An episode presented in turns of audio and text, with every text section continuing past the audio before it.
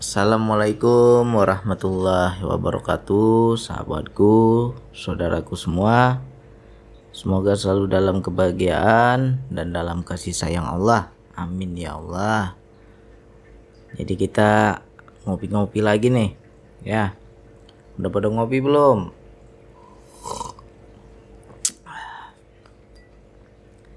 Jadi ini ada sebuah pertanyaan bagus dari Ibu Zohratun Aini. Assalamualaikum warahmatullahi wabarakatuh. Maaf lahir batin juga Bang Andi. Karena kadang berprasangka bahwa Bang Andi lupa kalau pertanyaan yang lama belum dijawab-jawab juga. Hehe. Bang Andi, apakah musik yang tidak bernuansa religi itu haram? Waalaikumsalam warahmatullahi wabarakatuh. Ya sama-sama Bu, mohon maaf lahir batin juga. Mohon maaf juga kalau nggak dijawab-jawab pertanyaannya ya. Terkadang terlalu banyak teman-teman kita bertanya ya. Yang mana rezekinya lah. Kalau saya jawab berarti ya itu rezekinya. Kalau belum dijawab ya berarti belum rezeki gitu aja lah. Jadi kita selalu prasangka baik aja ya. Jadi ini kalau ditanya tentang haram berat. kalau ditanya hukum haram halal ini berat ya. Nanti coba ditanyakan sama yang ahlinya aja lah ya. Kalau mengenai hukum ya saya juga belum paham. Saya juga nggak ngerti Lantas kenapa bang? Sering kita mendengar banyak para ulama berkata bahwa musik itu haram. Ya saya juga nggak tahu. Kalau dibilang kenapa musik itu haram, saya saya juga nggak ngerti. Makanya tanyakan yang paham tentang asal mula musik itu diharamkan karena apa? Kisahnya bagaimana? Penyebabnya bagaimana? Ya. Jadi menurut saya kita jangan ikut-ikutan berkata haram. Tapi kita harus pahami dulu dahulu itu waktu diharamkan itu seperti apa kisahnya. Jadi ini kita tukar pikiran aja lah ya. Saya bukan ustadz, bukan ulama, saya juga nggak ngerti ilmunya. Kita memakai logika, memakai akal sehat. Ya apakah musik itu bisa dikatakan haram bang jadi sesuai pertanyaan tadi apakah musik yang bukan religi bukan musik religi dianggap haram bang. Jadi kita harus pahami dulu makna haram ini. Haram itu adalah sebuah dampak kalau kita ingin ingin mengetahui segala sesuatu diharamkan karena ada dampaknya ada akibat ya. Jadi kenapa musik diharamkan? Ah dampaknya apa apabila itu mengarahkan kepada keburukan mengarahkan kepada dosa ya bisa kita bilang haram nah jadi dampak dampak dari musik itulah kita harus bisa memutuskan itu haram atau enggak gitu jadi kita harus pahami lagi kalau dibilang musik itu haram kenali dulu musik itu apa.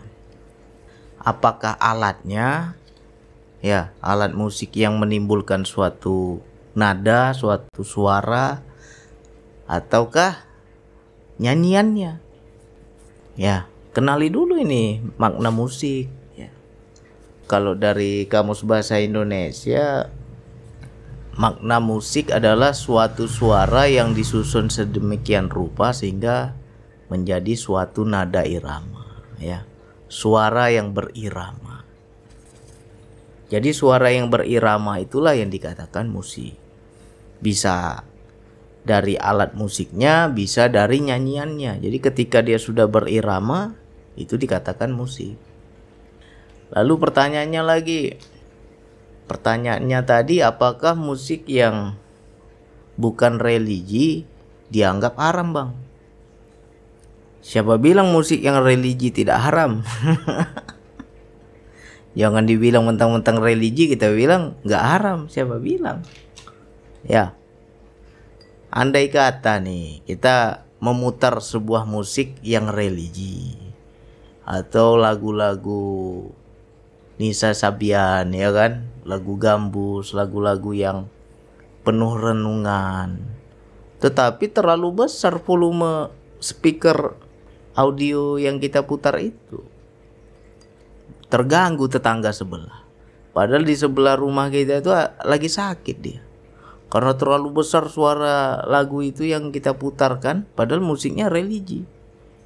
Tapi karena dampaknya mengganggu orang lain itu menjadi haram.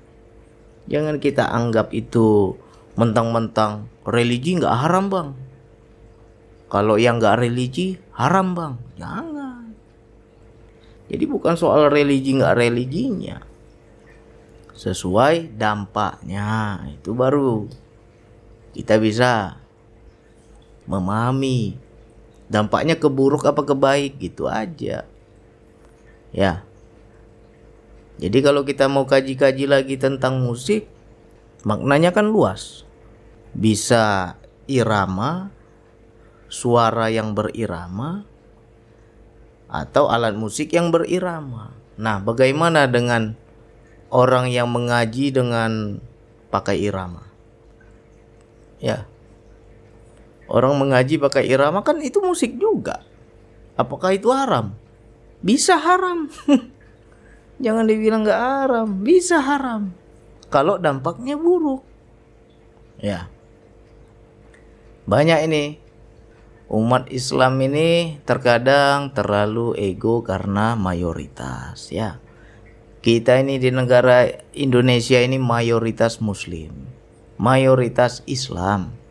Tetapi terkadang karena kita terlalu banyak, kita yang mayoritas, terkadang di situ ada ego. Ego yang bagaimana, Bang? Kita mengaji di masjid pakai speaker besarnya luar biasa. Padahal di sekeliling masjid itu bukan hanya orang Islam. Ya kan? Kalau dipakai speaker masjid itu untuk mic masjid itu dipakai hanya untuk azan mungkin berapa menit lah itu. Tapi ini dia pakai mengaji lama. Bisa setengah jam bisa satu jam. Dan speakernya terlalu besar. Nah kalau itu dampaknya membuat orang lain terganggu jangankan orang non muslim orang Islam sendiri terkadang terganggu. Ya kan entah dia malam kerja ya kan Malam kerja dia jaga malam dia kerjanya dinasnya malam. Begitu pulang ke rumah dia hendak tidur. Begitu hendak tidur masjid di belakang rumahnya mengaji pula besar sekali suaranya. Terganggulah orang ini. Ya. Ketika dia terganggu, ngajinya itu jadi haram karena dampaknya menjadi buruk. Ya. Itu juga musik loh. Jadi jangan dibilang musik itu hanya nyanyian. Suara yang berirama sudah dikatakan musik. Ya kan? Apalagi kita harus pahami. Ada orang berzikir di masjid.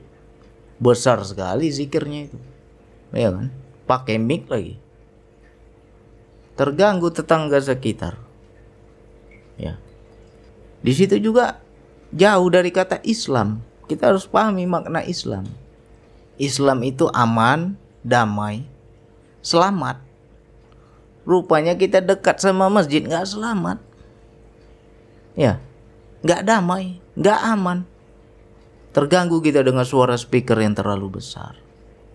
Nah itu juga jauh dari kata Islam. Ya, jadi ini jadi PR ini untuk kita yang mayoritas. Jadi PR bagi kita ini. Jangan kita ego dalam berketuhanan. Jangan kita ego dalam beragama. Ya. Terkadang orang lebih mempertuhankan agama daripada Allah sendiri. Nah, itu dia. Kalau mau dikaji-kaji tentang musik ini. Ini hanya sebatas pendapat orang awam, ya. Saya ini orang awam, jadi hanya ngomong berdasarkan logika saja. Nanti tinggal ditanya lagi lah sama yang lebih ahli. Musik yang nggak religi gimana bang? haram nggak bang ya kan tanyalah coba sama yang lebih paham jadi musik ini kalau kita mau kaji-kaji kita mau pahami musik itu ada ruh ada energi dengan musik itu orang bisa ibaratnya mempengaruhi orang yang mendengarkannya. Ya. Ada yang musiknya slow kita jadi santai.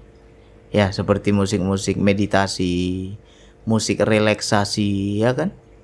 Kita dengar suara-suara alam musik suara alam. Ya suara air mengalir itu kita jadi tenang. Mempengaruhi musik itu mempengaruhi orang yang mendengarkannya ada lagi mungkin kita mendengar musik-musik yang penuh dakwah, penuh nasihat, penuh peringatan ya seperti lagu-lagu Ebit itu. Kadang kita menjadi menangis kita. Jadi ingat kita sama Allah. Ada dampaknya. Ya. Ada juga orang yang ketika mendengar musik jadi lupa diri. Ya. Joget-joget nggak nentu apalagi.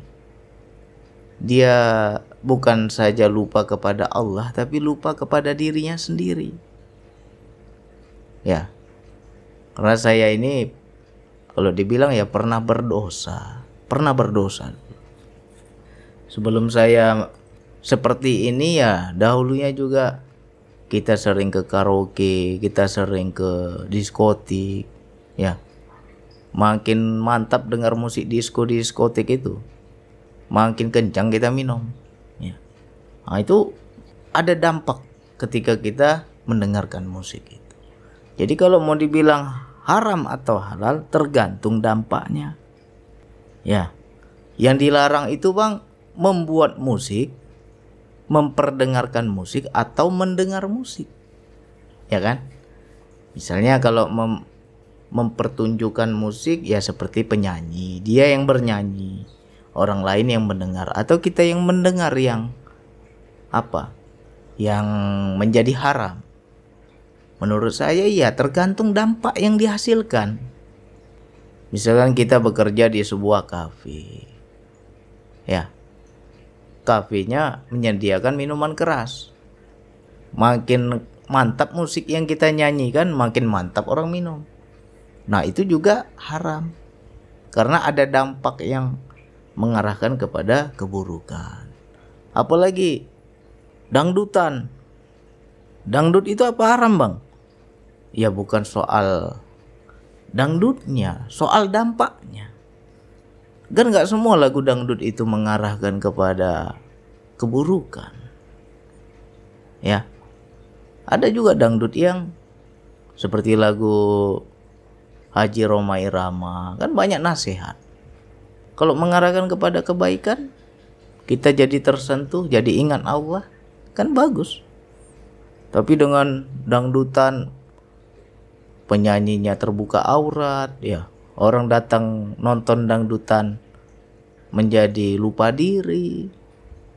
Apalagi? Ya terkadang dengan musik itu juga orang bisa jadi berantem ya kan banyak itu kalau nonton-nonton konser kan bisa dalam menonton konser itu jadi berantem tergantung dampak musiknya jadi dengan musik itu bisa mempengaruhi seseorang tergantung iramanya, tergantung musiknya. Ya kan? Jadi semua musik itu bagus sebenarnya. Tinggal bagaimana kita pandai-pandai memahami nanti dampaknya apa ya. Ya kan? Macam kita naik mobil, kalau kita tuh dalam perjalanan jauh naik mobil, kita putar musik itu sepanjang perjalanan, kita jadi semangat. Ya kan? Jadi nggak ngantuk. Karena ada musik. Kan baik itu. Jadi jangan dibilang semua musik itu haram. Ya kita pakai logika aja lah. Karena kalau kita hanya mengikuti tanpa mengkaji misalnya kata ustadz bang haram bang.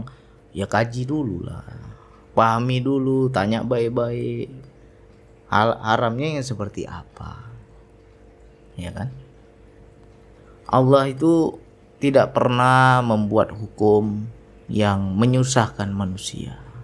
Terkadang kita sendiri yang menyusahkan diri kita, ya. Sesuatu yang tidak haram diharamkan. Sesuatu yang haram dihalalkan. Kadang terbalik-balik. Jadi intinya kembali kepada akal jernih kita, ya. Kita berpikir jernih saja.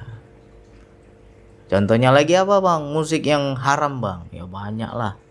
Kalau kita mau kaji-kaji. Mungkin teman-teman sering merasa terganggu. Kita lagi enak makan ini di lesehan, ya kan? Kebetulan lapar sekali kita. Begitu dihidang makanan itu, makanlah kita kan, lahap kita makan. Tiba-tiba datang pengamen, sudah datang pengamen suaranya pun gak enak. Itu juga menjadi haram karena orang jadi terganggu. Ya kalau pengamen itu datang suaranya enak suaranya merdu kita pun jadi terhibur. Ya mungkin kita nggak ngeluh. Tapi teman-teman pasti pernah merasakan ini suaranya sudah nggak bagus gitarnya juga nggak bagus dengernya musiknya dan kita jadi terganggu. Nah, jadi dampak musik yang membuat orang terganggu itulah yang dikatakan haram. Ya. Yang mengarahkan kepada keburukan itulah yang dikatakan haram. Jadi bukan musiknya yang haram. Dampaknya itulah yang kita harus pahami. Samalah seperti pisau. Kita mau pakai untuk potong sayur, ya bagus. Kita mau pakai potong daging untuk masak bagus.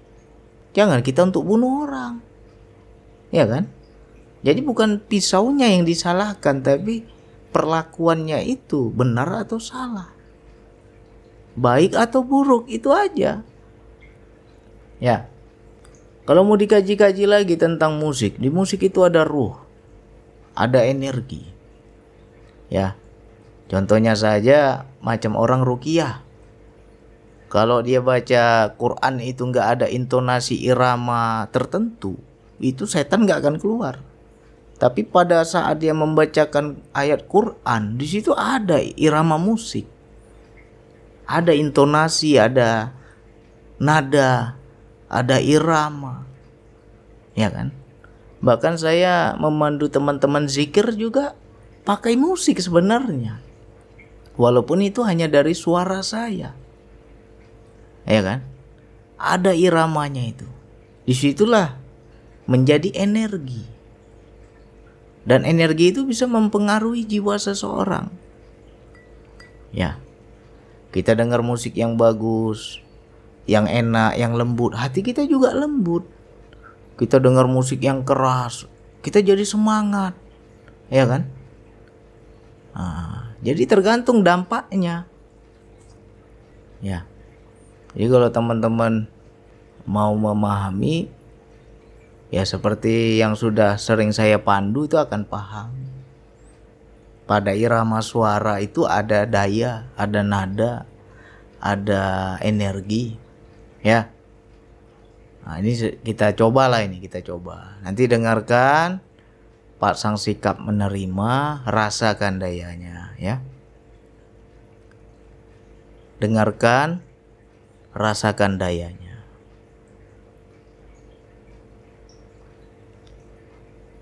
Allah Allah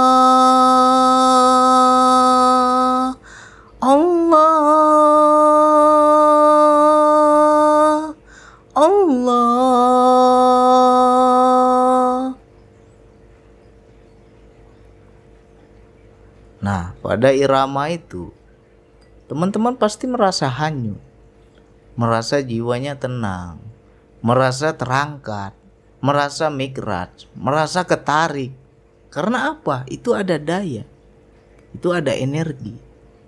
Ya, jadi musik itu ada ruh sebenarnya. Nah, tinggal bagaimana kita memakai musik itu untuk kebaikan apa untuk keburukan. Jadi kalau dibilang bang musik yang halal seperti apa, yang haram seperti apa, ya kita harus bijak lah. Ya, jangan suka ikut-ikutan orang. Sebenarnya benar dan salah itu sudah ada pada diri kita sendiri. Ya. Jangan mentang-mentang kita dengar musik religi kita bilang itu halal. Musik yang enggak religi kita bilang haram. Siapa bilang? Tergantung dampaknya. Ya. Musik religi pun kalau suaranya terlalu besar, terganggu tetangga ya jadi haram. Ya. Orang azan di masjid suaranya juga nggak enak didengar. Udah itu speakernya juga terlalu keras mengganggu orang lain. Itu juga jadi haram. Jadi dampaknya itu yang membuat haram, bukan musiknya. Ya. Orang pakai mic besar-besar di masjid itu. Ya, mentang-mentang mayoritas kita apa istilahnya ego lah. Nggak kita jaga perasaan orang. Nggak kita jaga ini kira-kira orang terganggu nggak? Ya ini jadi PR untuk kita. Jangan sampai kita melakukan suatu ibadah tapi jadinya dosa. Ya kan itu jauh dari kata Islam nggak damai ya jadi semoga sahabatku saudaraku lebih bijak ya kita pakai akal, pakai logika, pakai pikiran yang jernih ya. Jangan kalau udah dengar wah kata ustadz sana bang haram bang, cepat kita bilang haram. Kita harus belajar lagi, pahami lagi. Jadi yang dikatakan haram itu bukan musiknya, tapi dampak dari musik tersebut. Apakah mengarahkan kepada kebaikan atau mengarahkan kepada keburukan? Jika kita mendengarkan musik dan kita tidak terarah atau terdorong melakukan keburukan, ya insya Allah nggak haram. Ya, kadang kita suntuk dengar musik. Dengan musik itu terhibur hati kita, semangat hati kita. Ya baik. Yang bilang haram siapa? Ya kan? Nah, yang penting kita tahu letak dampaknya itu. Oke, mudah-mudahan ini bisa manfaat. Teman-teman bisa paham. Ya, diulang-ulang lagi lah. Pelan-pelan kita belajar ya. Ini hanya pendapat saya saja, jangan dianggap ini sudah benar ya. Saya juga masih belajar. Hanya itu yang bisa saya sampaikan. Wassalamualaikum warahmatullahi wabarakatuh.